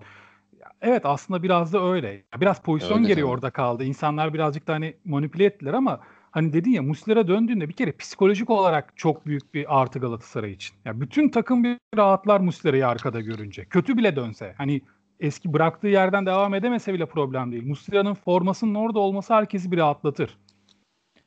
Aynen, ona katılıyorum. aynen öyle. Ee, Alican Yani- söylediklerinle ilgili hani böyle kısa kısa bir şeyler söylemek istiyorum. Bu Feguli Belanda'ya döndüğünde e, yerine geçecek mevzusu bence dönmesin o zaman. Çünkü e, Olcan'ın oradaki varlığı o e, ya savunma arkasına koşu potansiyeli rakipleri her zaman e, bir adım geride tutacak. geleceğim. Böyle geleceğim. düşünüyorum yani. Oğulcan'la yürümez dediği Oğuz'un lafına öyle katılıyorum. Çünkü tek bir tane Oğulcan var bu profilde şu an sahada. Ee, mesela Kerem de iyi bir performans gösterdi ama Kerem o profilde bir oyuncu değil. Sekidika giriyor sürekli yerine tam olarak öyle bir oyuncu değil. Yani biraz daha ayağını isteyip topla de, yani giden oyuncular, topla dribling yapan oyuncular daha birincil özellikleri böyle. Oğulcan biraz daha boş koşuya atan bir oyuncu ve zorlayan da bir oyuncu. Ben biraz Oğulcan'ı hani Burak Yılmaz'a da benzetiyorum yani. Ee, Emre Kılınç'ın yumuşak olmasına yani yumuşak olduğunu düşünüyorum hala. Evet mücadele ediyor ama bu yumuşak bir oyuncu olduğu gerçeğini değiştirmez. Orta saha için gerçekten e, bir ikili mücadelelerde sürekli düşen bir oyuncu. Yani bu e, oyuncunun e, güçsüz olduğundan dolayı değil, kendi fiziksel özellikle oraya %100 uygun olduğunu düşünmüyorum. Fikstür şansı da dediğim gibi ben şey değil, sezon başından bu yana değil, bu 3 maçlık seri için aslında birazcık söyledim. Ben de bir şey daha ekleyeyim. Ee, bu yumuşaklık konusunda. Emre Kılınç ben, yani yumuşaktan kastım benim koşmayacak falan değil. Koşar Marka kaybedeceğini canı. kaybedeceğini bilse de ikili mücadeleye de girer. Ben ondan da kendini sakınacağını düşünmüyorum ama ya top kapmak ayrı bir meziyettir. Yani işte atıyorum Fenerbahçe'de Gustavo mesela. Bir oyuncuyla ikili mücadeleye girdiğinde kim olursa olsun karşısındaki oyuncu o top ortadadır yani. Gustavo oradan topu alıp çıkabilir. Galatasaray'da Melo vardı. Melo biriyle ikili mücadeleye giriyorsa orta sahada boştaki bir top için yüzde o top ortadadır yani artık Melo Şöyle- rakibe yapışmışsa. Ama ben Bak- Emre için bunu diyemiyorum. basit bir ekleme yapayım yani hani Fenerbahçe'nin orta sahasında Ozan Tufan, Gustavo ve hani Sosa da nispeten e, pozisyon almasını bilen sahipsiz top kazanan oyuncu. Beşiktaş'ın orta sahasına baktığımızda Hutchison, Dorukan ve Mensah biraz daha hani 8 numara gibi bir oyuncu 10 numara oynamasına rağmen bu maçta. Hani bu maçlar üzerinde söylüyorum. Galatasaray'a baktığımızda Emre Kılınç, Feguli, Taylan. Ve hani diyoruz ki Gal yani Oğuz dedi ki Galatasaray pozisyon verdi. Diğer iki takım pozisyon vermedi. Zaten hani e, sebebi de belli oluyor oyuncu profillerine baktığımızda. Ha dediğinde katılıyorum bu arada Arıcan. Büyük takımın bence de hani pozisyon vermekten korkmaması lazım. Yediğinde atabilecek pozisyonlara girebiliyor olması lazım ki onları ilerle, ilerleten şampiyonluk yoluna götüren motivasyon da budur bana sorarsan. Yalnız bir de girdi mi atması lazım. Galatasaray'ın bence en büyük problemi o. Yani Atabilse zaten hiç problem kalmayacak. Rakipler sinecek çünkü sonrasında. Doğru. Bir de bir de şöyle de bir şey eklemek istiyorum. Ee, şu 3 maçlık e, e, periyoda baktığımızda Galatasaray'ın o baskın oyununun sebebinin de hani e, yumuşaklığı ben bilerek kullandığını düşünüyorum Fatih Terim'in. Ha, Hani orası öyle. çünkü e, çünkü e, Kayseri Spor'un orta sahası da olsun, e, Rize'nin de e, Hatay'ın da Hatay yine nispeten birazcık ama e, Galatasaray'ın e, orta sahasının yumuşaklığını bir silah haline getirebilecek potansiyelde bir takım olduğunu düşünmüyorum. Bu üç takımın. Hı hı. O yüzden de bu orta sahayı kurmakta bir sakınca görmediğini düşünüyorum. Hani Aynı çünkü, şeyi söylüyoruz çünkü- aslında. Olabilir. Çünkü eğer öyle bir e, sıkıntı olduğu düşünülseydi Fatih Terim gözü kapalı oraya Peter Etebo'yu da koyabilirdi. Etebo da oynayabilirdi orada. E, ya da e, daha başka e, varyasyonlara da başvurabilirdi diye düşünüyorum yani. Evet göreceğiz zaten önümüzdeki fikstürden bahsettin. Hani biraz daha sert bir fikstür bence. Göztepe de dişli bir rakip. Karagümrük de fena gitmiyor. Ee, onu daha iyi gözlemlemiş olacağız diye düşünüyorum. Bir de Luyendama'nın dönüşünde neler olacak göreceğiz. Bir de E, küçük buradan- bir şey ekleyebilir Heh, miyim? ekleyeceğiniz bir şey varsa ekleyin diyecektim ben de. Ee, Galatasaray'da e, yine e, aldatıcı olduğu söyleniyor ama bence iyi oynadı. Bu 3 maçlık periyodu güzel geçirdi. Emre Taşdemir. Ee, Galatasaray'da Bence ben her zaman e, acaba bu adam neden var ya? Hani neden alındı bu adam diye sorguladığım bir isimdi ama şu 3 maçlık periyodu güzel geçirdi. Böyle devam eder ise e, milli takımda o çok bahsettiğimiz o sol bek sıkıntısı problemi var ya gözü kapalı bence Caner'in arkasına Emre Taşdemir'i koyabilirsin yani. Ayrıyetten Orada- ge- geriden gelen e, Rıdvan'ı da az sonra konuşuruz yani. Rıdvan da bence milli takıma aday olabilecek bir oyuncu. Güzel e, bağladın. E, Rıdvan'dan bahsedeceğiz tabii. Beşiktaş Kasımpaşa'ya geçelim buradan diye düşünüyorum. Ben bir ekleme de yapayım Ee, yalnız. Şunu da ekleyeyim Ya, müsaadenle. ekle, pardon. pardon. Ya, Yoksa. estağfurullah. Ya bir kere Emre Saracchi geldiği anda mecbur formayı kaybetti. Çünkü Saracchi gibi bir bek Türkiye'de yok bu kadar tempolu Yok. bir bek de. Şunu söyleyecektim. Kerem Aktürkoğlu'nun attığı gol. Bravo gol, ya. önemli, gol önemli değil. Yani golü atabilirsin. Pozisyon gider atarsın. Golün öncesi mi? Orada öncesinde topu götürüşü, pası verişi ve pası verdikten sonra durmayıp devam etmesi. Ya golü o devamda attı. Ya gol kaçabilirdi bu arada. Vurur dışarı gider. Önemli değil. Yok abi bir şey söyleyebilir miyim? O, o topu o şekilde bitirmek de çok önemli. Yani Ya hani zaten vücudu- çok iyi vücudunun vurdu. şuta açı, açısı falan hani bu Yok, işi yok. zaten iyi yaptığını Zaten çok gösteriyor. iyi. Çok iyi bitirici. Ya çok iyi bitirdi. Hani bitiricilik konuşuyorduk ya iki haftadır. Mükemmel Evet. bitirdi. O ayrı ama bitirmediğini düşün. Yani o topu kaçırdığını düşün hiç önemli değil. O koşuyu atması o kadar önemli ki pası verdikten sonra. Ya o o çok meziyetli bir şey işte. O bence gözü, gösteriyor oyuncunun ne kadar meziyetli olduğunu. Bu koşuya devam etmesi. Ben Konu konuyu ko- konu konuyu açıyor ama bir şey daha söyleyeceğim. Ondan sonra geçelim. Evet, Ee, artık kapatmamız şimdi- lazım Galatasaray. Ee, Kerem Aktürkoğlu gol attıktan sonra artık sosyal medyada hep şey çıktı işte. Aa yeni bir e, sol kanat kazandık falan filan. Artık e, 11'de sürekli olarak görmeye başlıyoruz falan. Ben bunun birazcık da aldatıcı olduğunu da düşünüyorum. Çünkü Kerem genç bir oyuncu ve kesinlikle Galatasaray'da oynayabilecek kapasitede olduğunu gösterdi bence de. Sadece bu maçta değil, e, önceki maçlarda da bunu göstermişti. Ee, Kerem oynayabilir ama ben hala da Galatasaray'ın bir e, patlayıcı kanat oyuncusu alması gerektiğini düşünüyorum. Kerem e, çok rahat bir şekilde ikinci yarıda örnek veriyorum 55'te 60'ta oyuna girip e, maçın gidişatını değiştirebilecek bir oyuncu. Ama e, Galatasaray'da bugün de gördük. Belli ki Emre Kılınç her zaman e, 8 numara ikilisinden birisi olacak gibi gözüküyor. Fatih Terim çünkü onu orada sevdi. E, ve e, yani ne Babel ne Arda Turan o patlayıcı oyuncu meziyetinde oyuncular olmadığı zaten aşikar. Tabii ki de böyle oyunculardan bahsedince akla ilk Onyekuru geliyor ama e, Onyekuru da hala da hali hazırda Monaco'da ne kadroya giriyor ne e, antrenmanlarda kendini gösterebiliyor. Hiçbir şekilde hocanın da düşündüğü bir isim değil. E, gelir ise Muslera'nın da eklenmesiyle beraber ben yine e, bu şampiyonluk yarışında Fenerbahçe'nin de çok e, rahat olduğunu düşünmüyorum yani şampiyonlukta yarışında. Alanya var zaten saymıyorsunuz ama yenildi diye. Kaybettiler. Ee, Beşiktaş'a geçelim artık. Ee, Beşiktaş ve Galatasaray'ın ben yaptığı şeyleri de birbirine benzetiyorum bu arada. Yani hani topa sahip olma mevzusuyla ilgili olarak. Ama Beşiktaş'ta şöyle bir fark var. Ee, geçen hafta da hani böyle kısaca söylemiştim. Ee, çok fazla hava topu kazanıyorlar. Bu maçta 22 tane hava topu mücadelesi olmuş ve bunların 18 tanesini Beşiktaş kazanmış. Yani oldukça çok yüksek bir oran.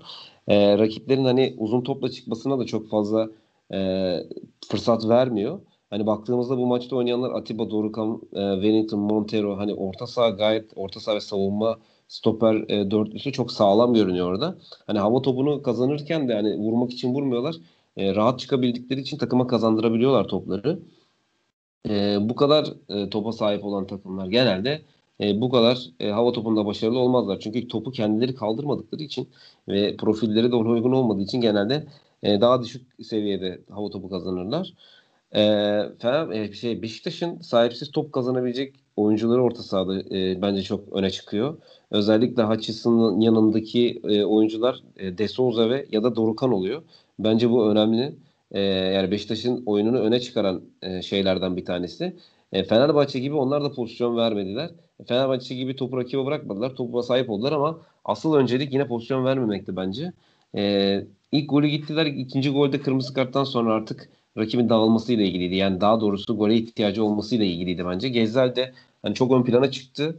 E, Leicester'da mesela Gezel potansiyelini gösterememiş bir oyuncu. E, o yani İngiltere Ligi için mesela yumuşak bir oyuncu olarak kaldı. E, burada da yumuşak. Hani Gezel bence hala Türkiye Ligi için bile yumuşak bir oyuncu. E, çünkü kırmızıya kadar mesela kendini gösteremedi. E, ama burada onu kesecek adam yok. Yani oynaya oynaya gelişecektir. Öyle düşünüyorum. E, 10 kişi kaldıktan sonra rakip kendini gösterdi. Toplam 6 kere adam geçmiş. Bunlardan 5'i kırmızı karttan sonra. E, ama bu, bu maç ölçü değil. E, yayından önce hani size de söylemiştim.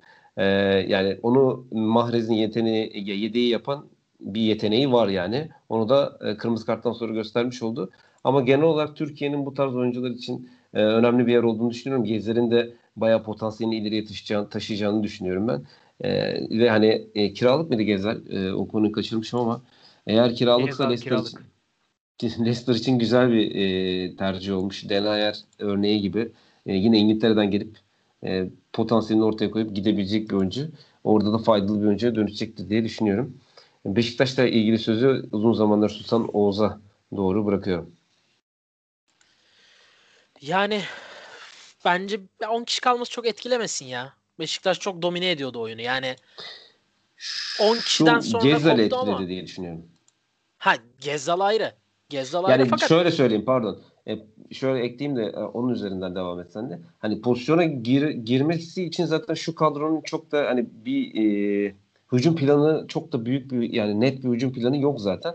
Ama Abu Bakar, Gezzal, Mensah, Enkudu pozisyona girmek için yeterli. Burada Beşiktaş'ın pozisyon vermemesi demek şu maçı kazanması demek zaten. Hani 1-0'da olsa Ama kazanması demek. haftalardır sol kenarın yıldızı Larin yok.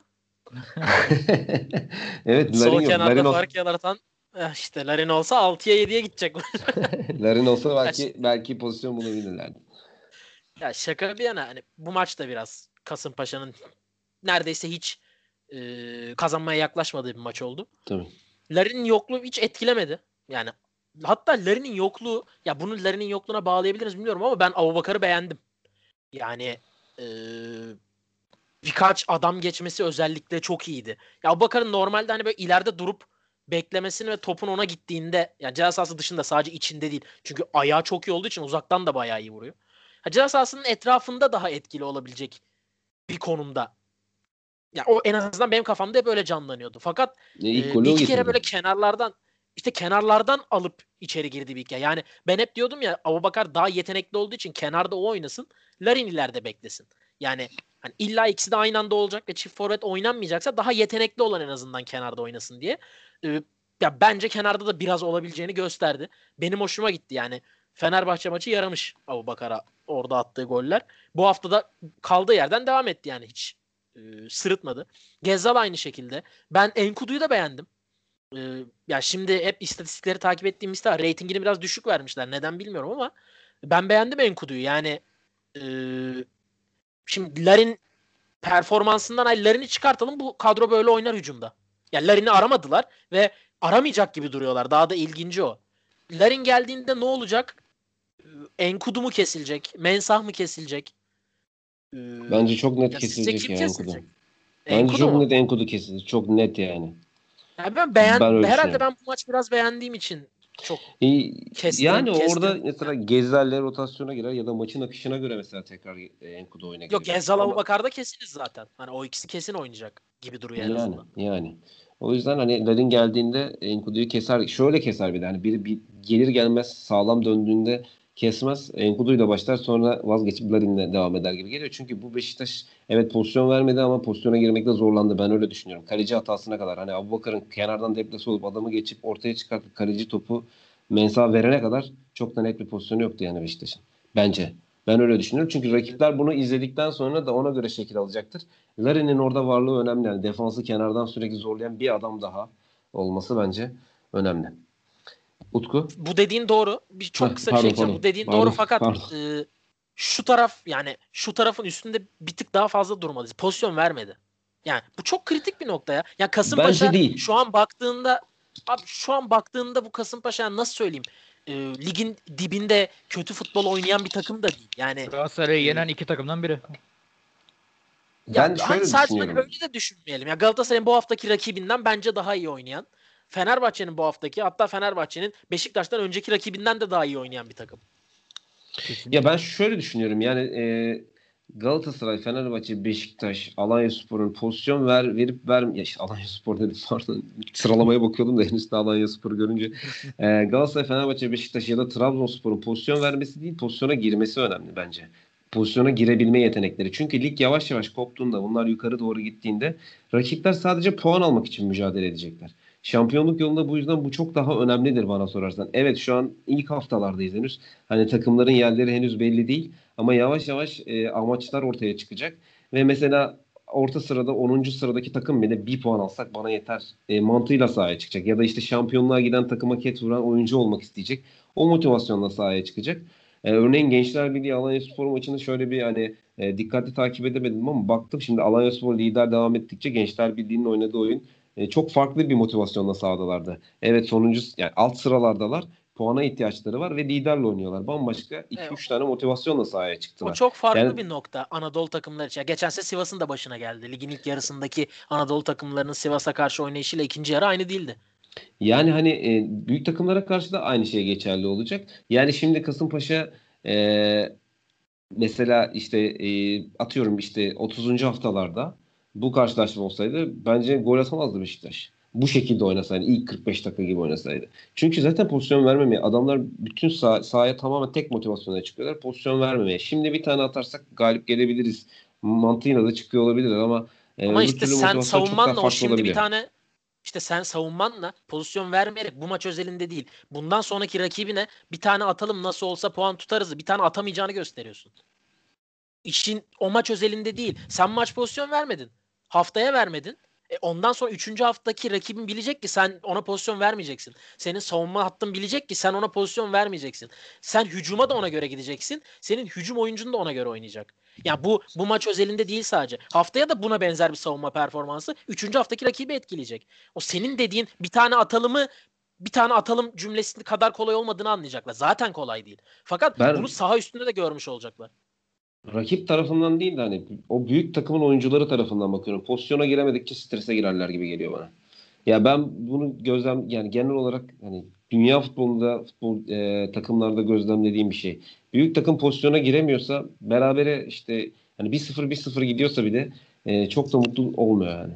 Ya öyle düşünüyorum bilmiyorum. Bu onlara zarar verirmiş gibi geliyor ama Beşiktaş'ın şu anda oynadığı futbol öyle e, şu an e, konuşurken yara- ol- oluşan atmosfer gibi kötü falan değil. E, sadece pozisyona girmekte biraz zorlanırlar diyorum Enkudu ve Gezler'le oynarken. Türkiye şartlarında oynadığın rakip de önemli olduğu için fikstürüne de bakmak lazım. Ekleyeceğim bir şey yoksa buradan sözü Ali Cem'e doğru vereyim diyorum. En son Utku'ya geçeceğim Beşiktaş'tan. Yok. Ee, şimdi e, öncelikle size bir önerim olacak. Bunu ilerleyen programlarda konuşalım bence. Ee, büyük takımımız, e, ligimizin büyük takımları karşısında e, Anadolu takımlarının neden bu kadar e, dirençsiz kaldığını ben önümüzdeki haftalarda konuşulması gerektiğini düşünüyorum. Bugün e, Beşiktaş-Kasımpaşa maçından bahsediyoruz ve Kasımpaşa'nın pozisyon bulamayışından, e, hiçbir şekilde oyunun içine giremeyişinden falan bahsediyoruz. Ee, Galatasaray'ın şu son 3 haftaki performansını konuşuyoruz. Yine e, takımların hiçbir şekilde Galatasaray'a karşılık veremediğinden ve e, Fenerbahçe'nin elini kolunu sallaya sallaya işte e, bugün çok zor şartlar altında mesela e, Denizli'yi yendi ama yine de yendi yani net skoru aldı. E, Antalya Spor maçında olsun Gençler Birliği ve diğer e, galibiyetlerini de düşündüğümüzde çok net galibiyetlerdi bunlar. Bunlar önümüzdeki haftalarda konuşulması gereken şeyler bence. Çünkü e, geride bıraktığımız yıllarda biz Anadolu takımlarımızdan sürprizler görüyorduk çoğu zaman büyük takımlara karşı.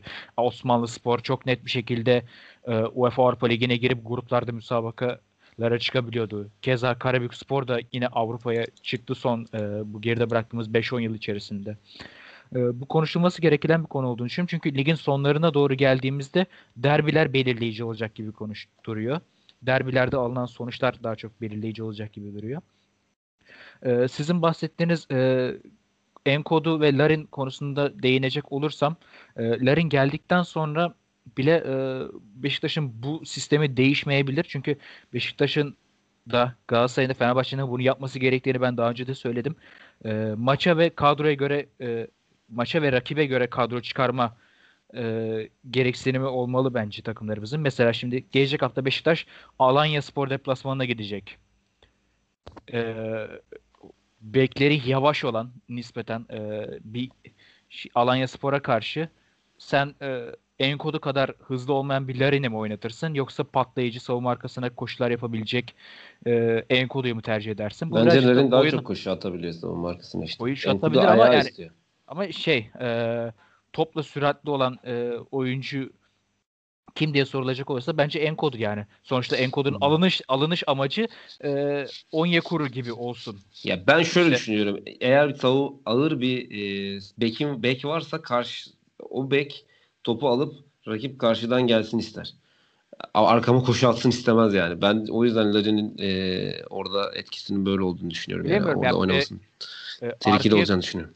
Arkaya koşu ile ceza sahasına koşu birazcık e, değişken şeyler. E, Olabilir. Ceza yani, Larin e, bence santrafor gibi oynuyor yani. Bakmayın ilk 11'de şey olduğuna.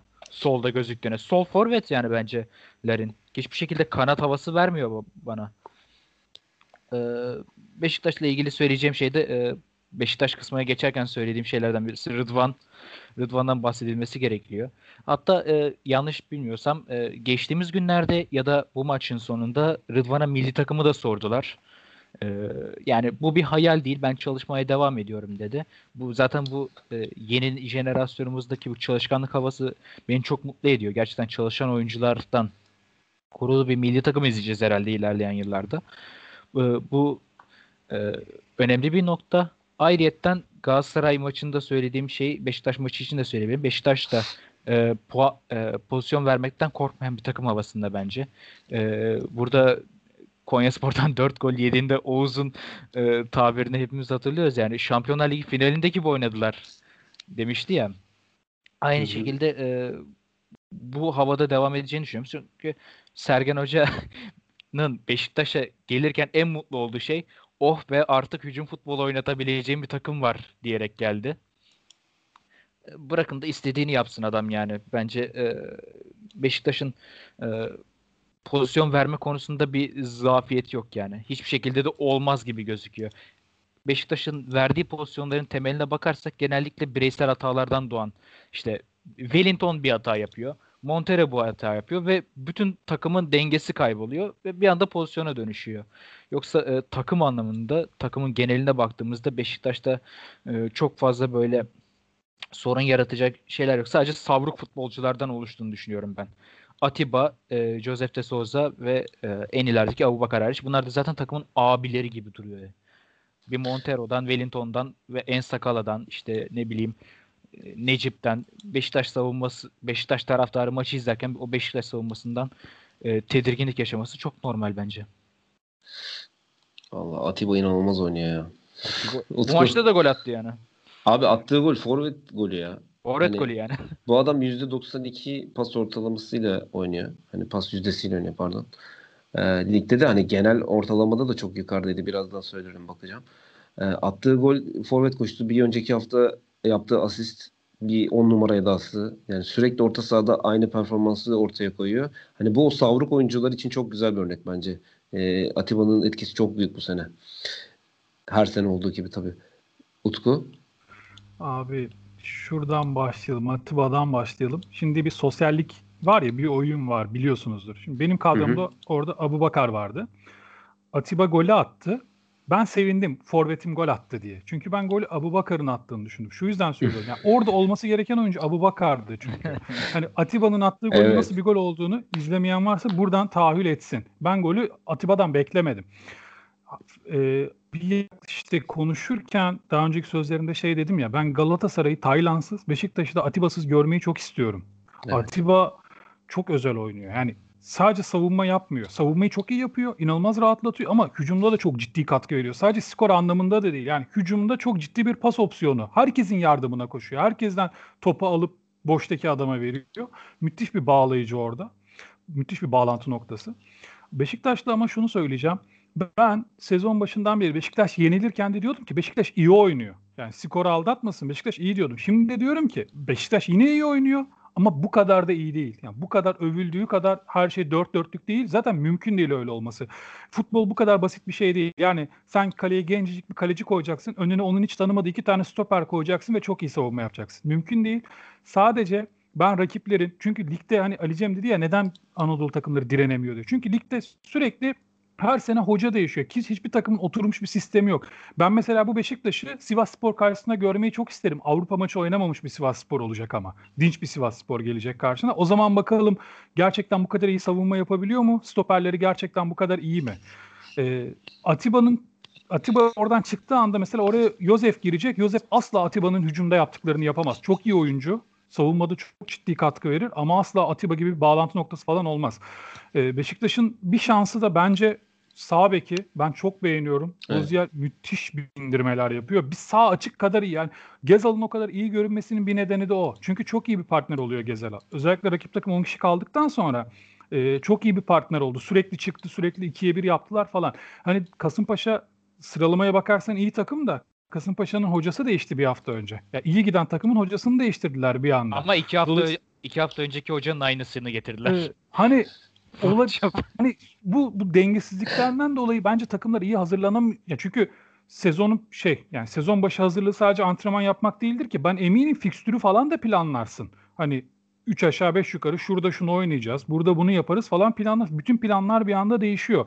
Ee, dolayısıyla evet Beşiktaş iyi Galatasaray da iyi. 3 haftadır çok iyi ama ben bunların büyük resmi göstereceğini düşünmüyorum henüz. Yani bu takımların defoları bulunacaktır rakip takımlarca. Bu kadar basit değil. Yani işte atıyorum Beşiktaş çok pozisyon veriyordu. Sergen Hoca iki tane oyuncuyu değiştirdi. Artık hiç pozisyon vermiyor. Bu kadar basit değil bence. Olmadığında bence göreceğiz. Fenerbahçe'de de mesela şeyde yanıldık. Fenerbahçe çok iyi diyorduk. Çok iyi diyorduk. E bir anda çözdüler işte bak artık yani bu maç için demiyorum bu hafta öyle değildi ama o Fenerbahçe çok iyi savunma yaptığını söylediğimiz, pozisyon vermediğimiz Fenerbahçe'ye 5 4 tane attı Beşiktaş. Şimdi bu Beşiktaş için de böyle. Mutlaka Beşiktaş'ın defosu var, bulunacak. Galatasaray'ın da vardı. Hatay Spor 10 dakikada gösterdi defoyu. Bir pres yaptılar önde, Galatasaray çıkamadı. Ya bu Beşiktaş'ın da bulunacak. Kasımpaşa bulamamış olabilir ama bu kadar üst düzey değil yani Beşiktaş. Kimse aldanmasın. Çünkü işte Larin oynuyor, gol atıyor. Hadi Larin'i çıkardım, Enkudu'yu koy, koydum. Bak o da oynuyor. Mükemmeliz biz. Ya hiçbir takım bu kadar hazır değil şu an bu ligde. Hiç kendilerini kandırmasınlar. Zaten şu an bir Avrupa maçı olsa Beşiktaş'ın bir Avrupa takımı gelse böyle orta sıra el ayağı düzgün çok zor durumlara düşürür bence Beşiktaş'ı. Çünkü kalecisi genç, stoper ikilisi yeni ya hem Beşiktaş formasıyla yeniler hem de birbirlerini de tanımıyorlar. Yani yeni bir ikililer orada.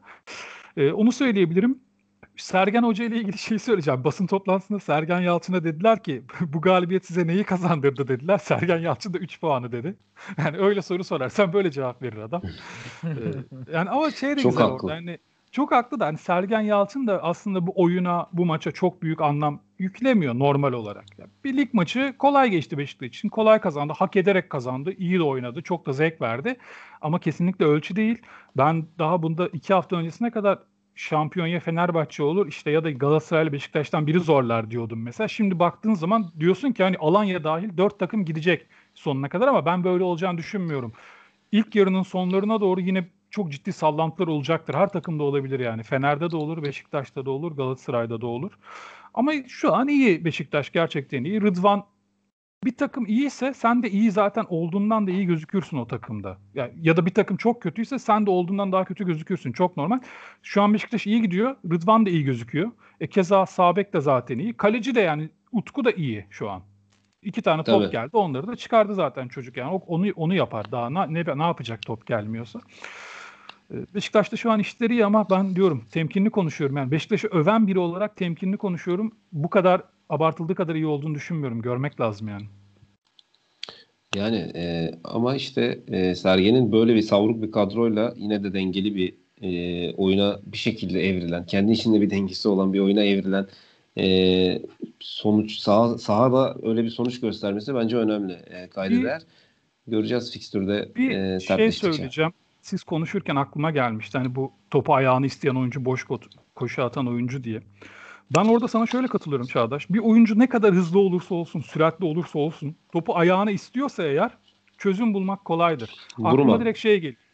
Galatasaray'ın bir deplasmanda Lucescu ile Barcelona maçı vardı. İlk yarı 2-0 öndeydi Galatasaray. İkinci yarıda Barcelona'da Overmars girdi oyuna. Mahvetti Galatasaray'ın yani sağ kanadını, sağ bekini. Mahvetti. Maç 2-2 bitti. İkinci maçta Overmars'la başladı. Perez oynuyordu Galatasaray'ın sağ bekinde. Lucescu çok basit bir şey yaptı. Overmars topu ayağına aldığında Overmars'ı Perez değil sağ açık karşıladı. Perez kademesinde kaldı. Overmars topu vurup gidemedi. Çünkü gideceği alan yoktu önünde bu kez. Yani topu ayağına istiyorsan bu kadar basit aslında savunması. Birazcık sadece öndeki oyuncunun sürekli yardıma gelmesi lazım. Görevini Evet. aksatmaması lazım. Top ayağındayken gidiyor. Ama oyuncu sadece topsuz koşu atıyorsa onu sağ açığa kovalatamazsın. Üç kere Aynen kovalar öyle. dördüncüde illaki unutur. Hayır sağ beke de kovalata, kovalatamıyorsun. Kovalata- hani unutur çünkü zaten. bir yerden sonra unutuyor aynen. Çünkü Aynen. bu adama top gelmiyor yani. Önemli olan bıkmadan top gelmese bile çünkü kolay değil. Futbolda iki tane defa atarsın. Top gelmez. Üçüncüyü çok atmak istemeyebilirsin. Larin hep atıyor. Yani hep hiç atıyor, durmadan aynen atıyor.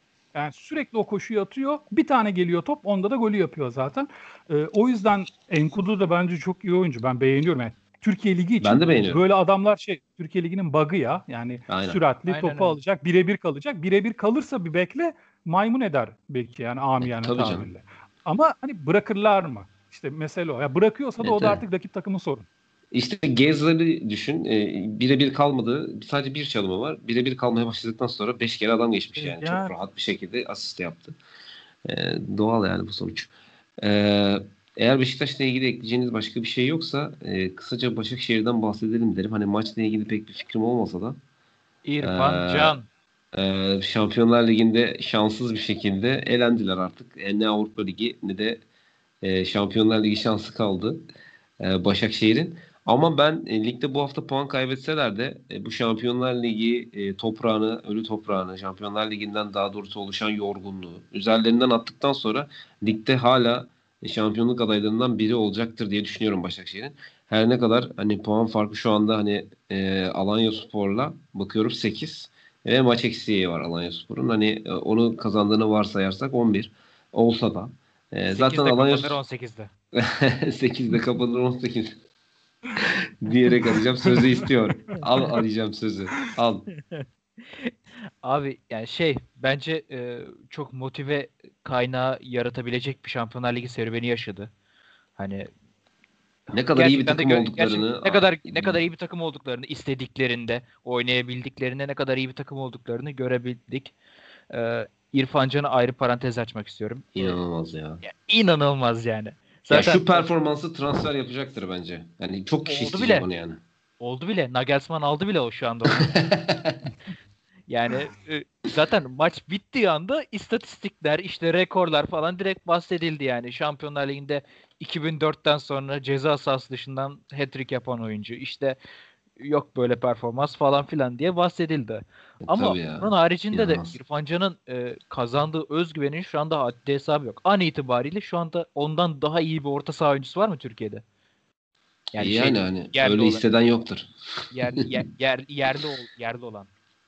Taylan işte performans koyuyor. Bir de İrfan inanılmaz bir performans koyuyor şu anda bence. Yani İrfan'ınki daha üst, üstte tabii yani. Şampiyonlar Ligi'nde Leipzig'e karşı yaptığın Evet, hat-trick inanılmaz ya. İrfan'dan e, bahsederken e, yorumcular, genel medya hep onun e, büyük maçlarda biraz geri kaldığını, özellikle Vişça ile beraber sahada istediklerini yapamadıklarından dem vuruyorlardı. E, bu onun için e, şeytanın bacağını kırdığı maçtır. Dediğim gibi bu Şampiyonlar Ligi serüveni Başakşehir'in e, lige dönüşüyle beraber çok güzel motive kaynağı olacaktır. Hani biz istediğimizde e, Leipzig'i e, çok zor durumlara sokabiliyoruz ve Manchester United'ı yenebiliyoruz Hı hı. diyebilirler yani. Ee, önümüzdeki periyoduna bakıyordum işte Başakşehir'in de işte Başakşehir konusuna geçtikten sonra. Ee, çok kolay bir fikstür yok. Fenerbahçe ve Alanya Spor'la oynayacaklar yakın tarihte ama e, gerçekten de bu eşiği nasıl atladı atlayacaklarıyla çok e, önemli. O olası bir e, Fenerbahçe galibiyeti ki şu anda Fenerbahçe kendi sahasında iki mağlubiyet yaşadı. Olabilir yani böyle şeyler. ayrıyetten Alanya Spor'a da vuracakları bir darbeyle ligin seyrini bambaşka bir noktaya getirebilirler yani. Evet göreceğiz. Ee, Başakşehir ile ilgili eklemek istedikleriniz var mı? Utku, Oğuz. Ben şöyle düşünüyorum. Ben çok geniş bir kadrosu olduğunu düşünüyorum. Dolayısıyla o kadro Şampiyonlar Ligi olayı bittikten sonra şimdi UEFA'da da devam edemeyecekler. E, ligde çok iddialı duruma getirebilir Başakşehir'i. Çünkü çok yani lig çünkü çok uzun bu sene. E, çok şey maç takvimi çok sıkışık olacak. Orada o geniş kadronun ekmeğini yiyebilir Başakşehir. Diğer takımlar zorlanırken oralarda. Bir bu. İkincisi de ya ben alelade bir futbol izleyicisiyim. Özellikle şu programı yapacağız diye Beşiktaş Fener maçlarını izlemeye başladım. Normalde sadece Galatasaraylı olarak Galatasaray maçlarını izlerdim. Ona rağmen ben bu İrfan Can'ın Gençler Birliği formasıyla Galatasaray'a karşı maçlarını izlerken ya bu adam iyi futbolcu diyordum. Abi bunu ben görebiliyorsam scoutlar da görsün. Yani şimdi Başakşehir'deyken atıyorum işte Galatasaray istiyor, Fener istiyor. Abi oraya gelmeden alacaksın istiyorsan. Oraya bırakmayacaksın. Abi, al, e, genç, benim al gençken kirala yan, ya. yanılabiliyor, yanılabiliyor olabilirim ama benim bildiğim kadarıyla e, zaten istiyorlardı o Başakşehir'i tercih etti. Yani oynayabilmek için. Öyle hatırlıyorum. Yani yanlış hatırlıyor olabilirim ama öyle bir şey hatırlıyorum Abi, yani. Beşiktaş olabilir. o Gençler Porto'daydı. Birliği'nden de sorunlu şekilde ayrıldı diye benim aklımda. Yani Gençler Birliği gönderdi diye biliyorum ben. Öyle bir problem vardı. Kadro mı kalmış? hatırlıyorum. Yani öyle Bo- Başakşehir ben bu oyuncuyu istiyorum bonservisi neyse veriyorum gibi olmadı diye hatırlıyorum. Çok emin değilim. Ona emin değilim. Makul de bir makul de Utku bir paraya açıklayabilirim istiyorsan. Tabii tabii. Ha, evet iyi olur. Ee, şeyden ayrılacağı sürede, Gençler Birliği'nden ayrılacağı sürede e, zaten potansiyeli olan bir oyuncuydu çok önceden de. Emre Belözoğlu'nun Başakşehir'de oynadığı dönemde geldi ki Emre Belözoğlu e, referansıyla alınmış bir oyuncuydu. E, İrfan Can'ı almak isteyen tek e, dört büyükler kulüplerinden Beşiktaş'tı. Ancak Beşiktaş'ın da o zamanki orta sahasında o zamanın Oğuzhan Özyakup'u, Geri Medeli, Atiba'sı ve Talişka'sı bulunuyordu. Evet, o ortamda da İrfan Can çok fazla kendinde e, oynama potansiyeli olabileceğini düşünmedi herhalde. İrf Başakşehir seçti. Yoksa Bence Fenerbahçe ve yapmış bu arada. Fenerbahçe ve Galatasaray'ın e, şey olduğunu düşünmüyorum. Yani potada olduğunu Talip hiç değil. görmedim yani. Abi işte Talip Talip nasıl Bence olmuyorsun? çok ya? da iyi olmuş yani. abi. Oynatmayacaklardı ki. Baş- İrfan'ı bu seviyede göremeyecektik. Ben sana Alper hani Potuk olacaktı yani. garanti verebilirim ya. O kadar Abi ben o kadar o eminim yani. Pardon ama yani kulüpten ziyade mesela futbolcuyu suçluyorum. Sonuçta Alper Potuk Fenerbahçe formayı verdi Alper Potuk'a. Alper Potuk kendisi almamak için her şeyi yaptı Fenerbahçe'de.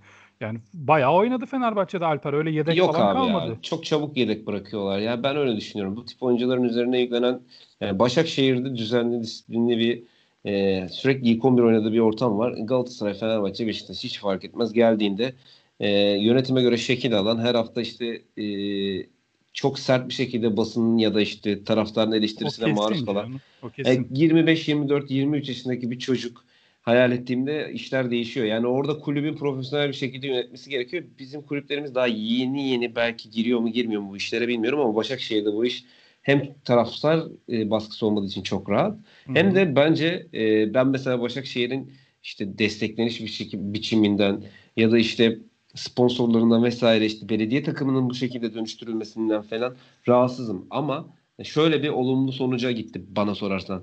Profesyonel bir şekilde yönetirsen e, Avrupa'da da daha yeni bir takım olmana rağmen Avrupa'da da bir şeyler yapabilirsin. Herkesin sıfırı net bir şekilde yazdığı gruptan puan aldı. Her maçta da varlık ortaya koydu. Her maçta da direnç ortaya koydu. Bence Türk futbolunu son yıllarda en iyi temsil eden takım oldu. Yani Yani son on- Beşiktaş'ın Şenol Güneş'le Şenol Güneş Ondan macerasını saymazsak en iyisi. en Yani iyisiydi. kesinlikle. E, hiç beklemezken böyle bir grupta böyle bir e, performans ortaya koydu ki bu gruptaki tek Leipzig vardı yani orada e, Paris Saint Germain ya da e, Manchester United gibi bir takım daha yoktu yani e, Beşiktaş'ın o grubunda. Hani küçümsemek için değil ama çok zor bir gruba düştüklerini söylemek için Evet. söylüyorum. Yani de Başakşehir de var, böyle bir şey de var. göstermiş oldu. O yüzden İrfan'ın ben, yani buraya gitmesi bence iyi oldu. E, herkes için de bu tip örneklerin artması yani özellikle üç büyükler için bence artık ders olmalı. Yani hani bu oyuncuları alalım oynatalım diye olmaya yavaş yavaş başladığını gözlemliyoruz. E, umarım dönüşüm gerçekleşir. Yani Başakşehir geçen geçen sezon da mesela Avrupa'da muhteşem işler yaptı bence. UEFA Avrupa Ligi'nde çeyrek final oynadı hayatında ilk defa katılmasına Tabii tabii aynen yani. aynen aynen. Doğru. Ve, Okan e, geçen sene de hani şey yapmıştı aynen. Ve e, son maçta e, şu anda mesela Real Madrid ve Inter'in bulunduğu gruptan e, neredeyse lider çıkacak bir Borussia Mönchengladbach deplasmanında. Yine İrfan Can 32 metreden mi 35 metreden mi ne attığı bir golle çıktılar yani. Ee, Başakşehir'le ilgili öyle. son şeyi söyleyeyim. Kötü olarak yani Mert Günok çok iyi kaleci. Tamam milli kaleci falan da ya bu sezon her şeyiyle kötü ama. Yani çok, kötü. ya. çok kötü Ya goller yiyor. Ayağı, Leipzig ayağı, maçında fena değildi ama Yani işte öyle bir ay- hata yaptık yapıyor ki bazen çok Yani acayip gerçekten. Çok ciddi hatalar yaptı Şampiyonlar Ligi'nde. Bir de ayağı iyi falan diyorlar. Ki iyi biliyoruz. Fakat çok ya bu sene ayağı da kötü. Ayağı da iyi değil.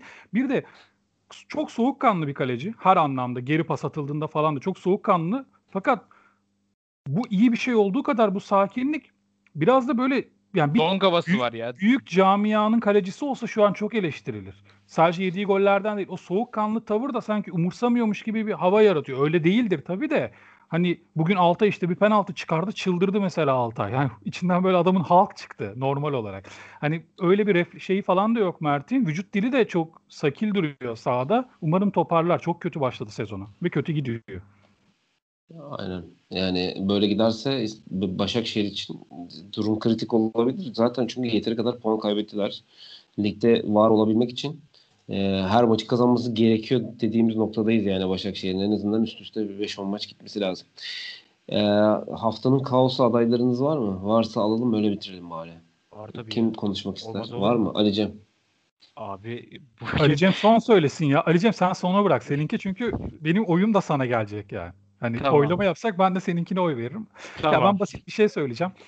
Ee, Twitter'da bu Fenerbahçe maçında işte tweetler atılıyor o sırada. Kendi hesabımı bilmiyorum ama kendi hesabıdır muhtemelen. Şevket Çoruh, tiyatrocu, oyuncu.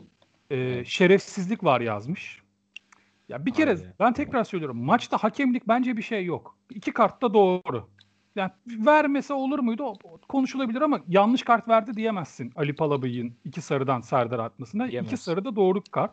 Maçta Fakat yanlış ya- karar olmayabilir ya. Ya Şevket Çoruh kavuğu almış bir tiyatrocu. Değil mi? Entelektüel seviyesinin Evet. çok kabuğu yüksek almış. olduğunu düşünüyorum en azından. Olması gerektiğini düşünüyorum ki öyledir de hiç şüphem yok. Abi sen bunu yaparsan yani normal bir taraftar nasıl yapması? Bak şöyle bir şey demiyorum. Tiyatrocular örnek olmalı, örnek insan olsunlar demiyorum. Ama kötü örnek de olma ya. İnsan, insanları galyana getirme. Sen bu maçı böyle seyrediyorsan e, yani sen bu maçı izlerken orada bir hakem hakkında şerefsizlik var. Kimi kastettiği belli. Sen hakeme şerefsiz diyorsun aslında. E, bunu sen yapıyorsan abi normal taraftar küfür de o zaman. Nasıl bitireceğiz bunları? Nasıl önüne geçeceğiz yani? O yüzden ben onu söylüyorum. Bence hiç yakışmamış yani. Çok çirkin bir şeydi. Anlık içine Mesut Komiser girmiş yani.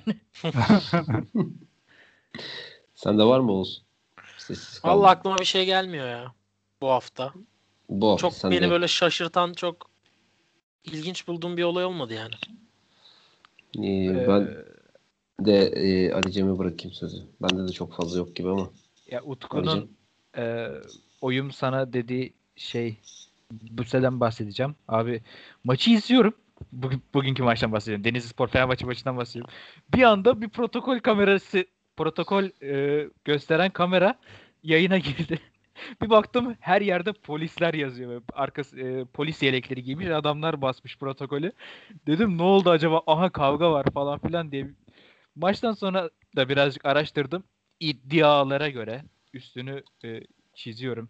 E, iddialara göre Emre Belezoğlu ile Denizli Spor Yönetim Kurulu girdiği bir münakaşa. Ya olmaması gereken bir şey ve maçtan sonra maçtan sonrasına da sekti bu olay. İşte e, ne neymiş? 2005 yılı hatırlatılmış. E, 2005 şampiyonluğu Fenerbahçe'nin kaçan şampiyonluğu hatırlatılmış ve Fenerbahçe attığı ilk golden sonra Emre Belezoğlu hatırladık işte şimdi falan deyip e, kötü bir argo kelime de kullanmış galiba. Tam bilmiyorum. Tabii bunların hepsi iddia olduğu için söylüyorum. E, işte maç bitiyor. Fenerbahçe e, resmi sosyal medya hesabı hatırladık başlıklı bir e, maç sonu bildirimi yapıyor, Evet. paylaşım yapıyor. Ya olmaması gereken ama e, programımıza da yakışan şeyler bunlar. O yüzden e, daha da olmasını temenni ediyoruz ki bize malzeme çıksın. Daha da olmasın. İyi. Güzelmiş. Haftanın kaosunu Ali Cem'in temennisi olarak ben de ilan ediyorum. Bende de pek bir şey yok. Ee, sağ olun arkadaşlar. Ağzınıza sağlık. Yine upuzun bir yayın oldu. Ee, dinleyenlere de teşekkür ederim. Hoşçakalın diyorum.